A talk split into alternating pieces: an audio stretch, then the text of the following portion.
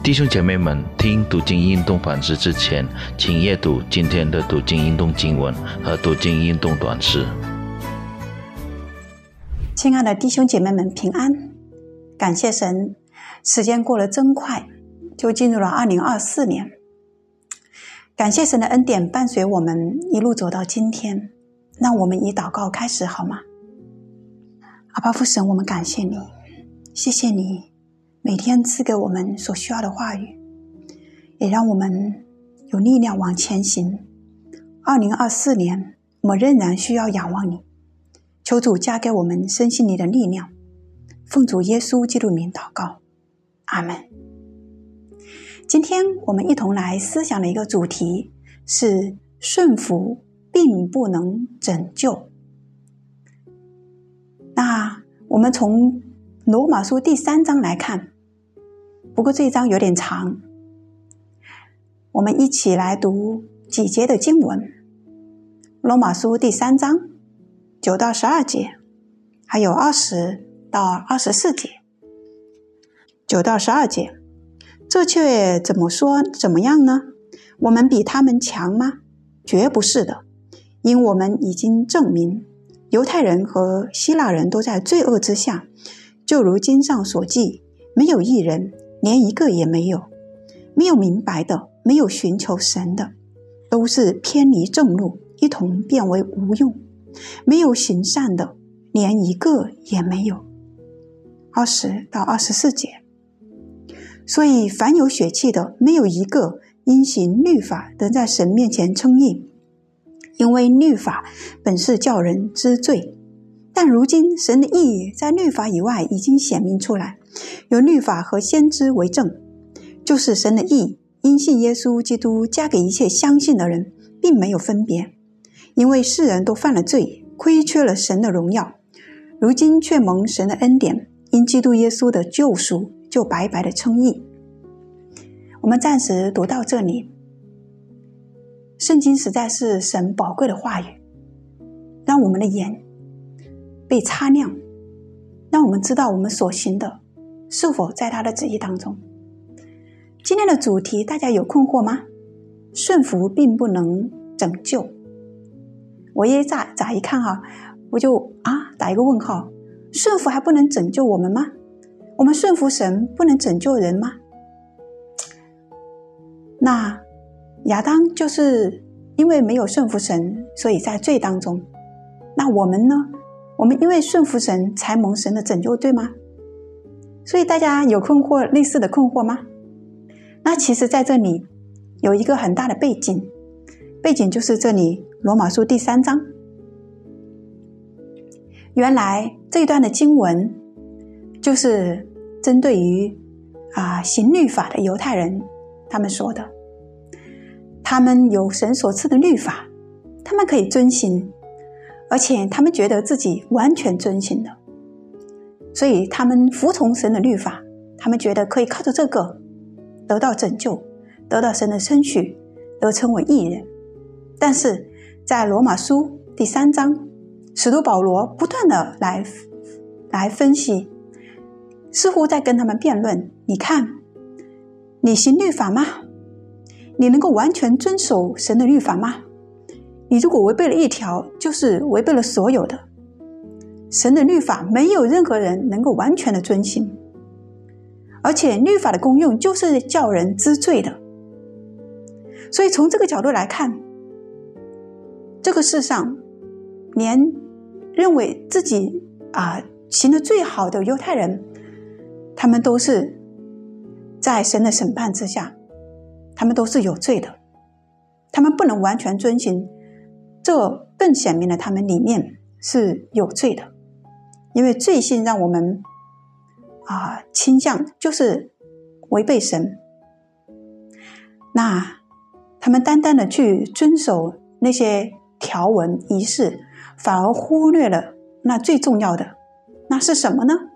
所有的人靠什么来拯救呢？第二十二节，就是神的意，因信耶稣基督加给一切相信的人，并没有分别。原来犹太人跟外邦人，他们要得到神的意，唯一的一条路，这条路没有分别，就是因信耶稣基督。在这里，很深很清楚的告诉我们，所有的人都在罪恶之下，没有一人，没有行善的一个都没有。有罪的人跟圣洁的神，我们只有中间唯一的一条道路，只有靠信耶稣基督。在约翰福音十四章第六节，我们非常熟悉的一节的经文里面说。耶稣说：“我就是道路、真理和生命。若不借着我，没有人能到父那里去。”感谢神，耶稣基督他自己宣告了，在有罪的人跟圣洁的神之间，这唯一的道路，只有透透过耶稣基督。所以，使徒保罗跟使徒约翰都告诉了我们，也是圣灵的漠视，对圣灵的启示。告诉我们，这唯一的一条路就是耶稣基督。单单靠服从律法，并不能拯救，唯有信耶稣，才能得蒙拯救。感谢主。想到这里，我就非常的感恩。为着我自己，那我不是从血统上，我也不是犹太人，我是外邦人，是没有神律法的，在骨子里，在出生的时候。就没有听过福音的，但是神却蒙了神的拣选跟拯救，蒙神的恩典，我能够听闻耶稣，并且愿信呃有回应信靠他，这一切都是他的恩典，感谢神。虽然我不是肉体的犹太人，却是真正意义上的真以色列人，感谢主。为此救恩临到外邦人，我充满感恩。同时，我也想到。还有很多的人，他们也是现今当中信仰的外邦人，他们还没有听过福音，他们是真正的外邦人，还没有听到福音。我想神的恩也照样的临到他们身上，这也给我一个更大的责任，就是救恩不单单停留在我这里，而是也领到那些需要神的人，领到那些。我可以接触到的，能够啊把福音带给他们的人，感谢主。新的一年，二零二四年，新的一天，愿神赐福我们每一位。在新的一年，愿神他的救恩对我们的拯救，这莫大的恩典，时时刻刻的提醒我们，我们可以靠着他，勇敢的过每一天的人生。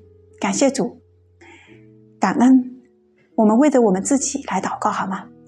也特别来为着我们还没有得到这个救恩的人，我们的朋友、我们的家人，我们为他们来祷告。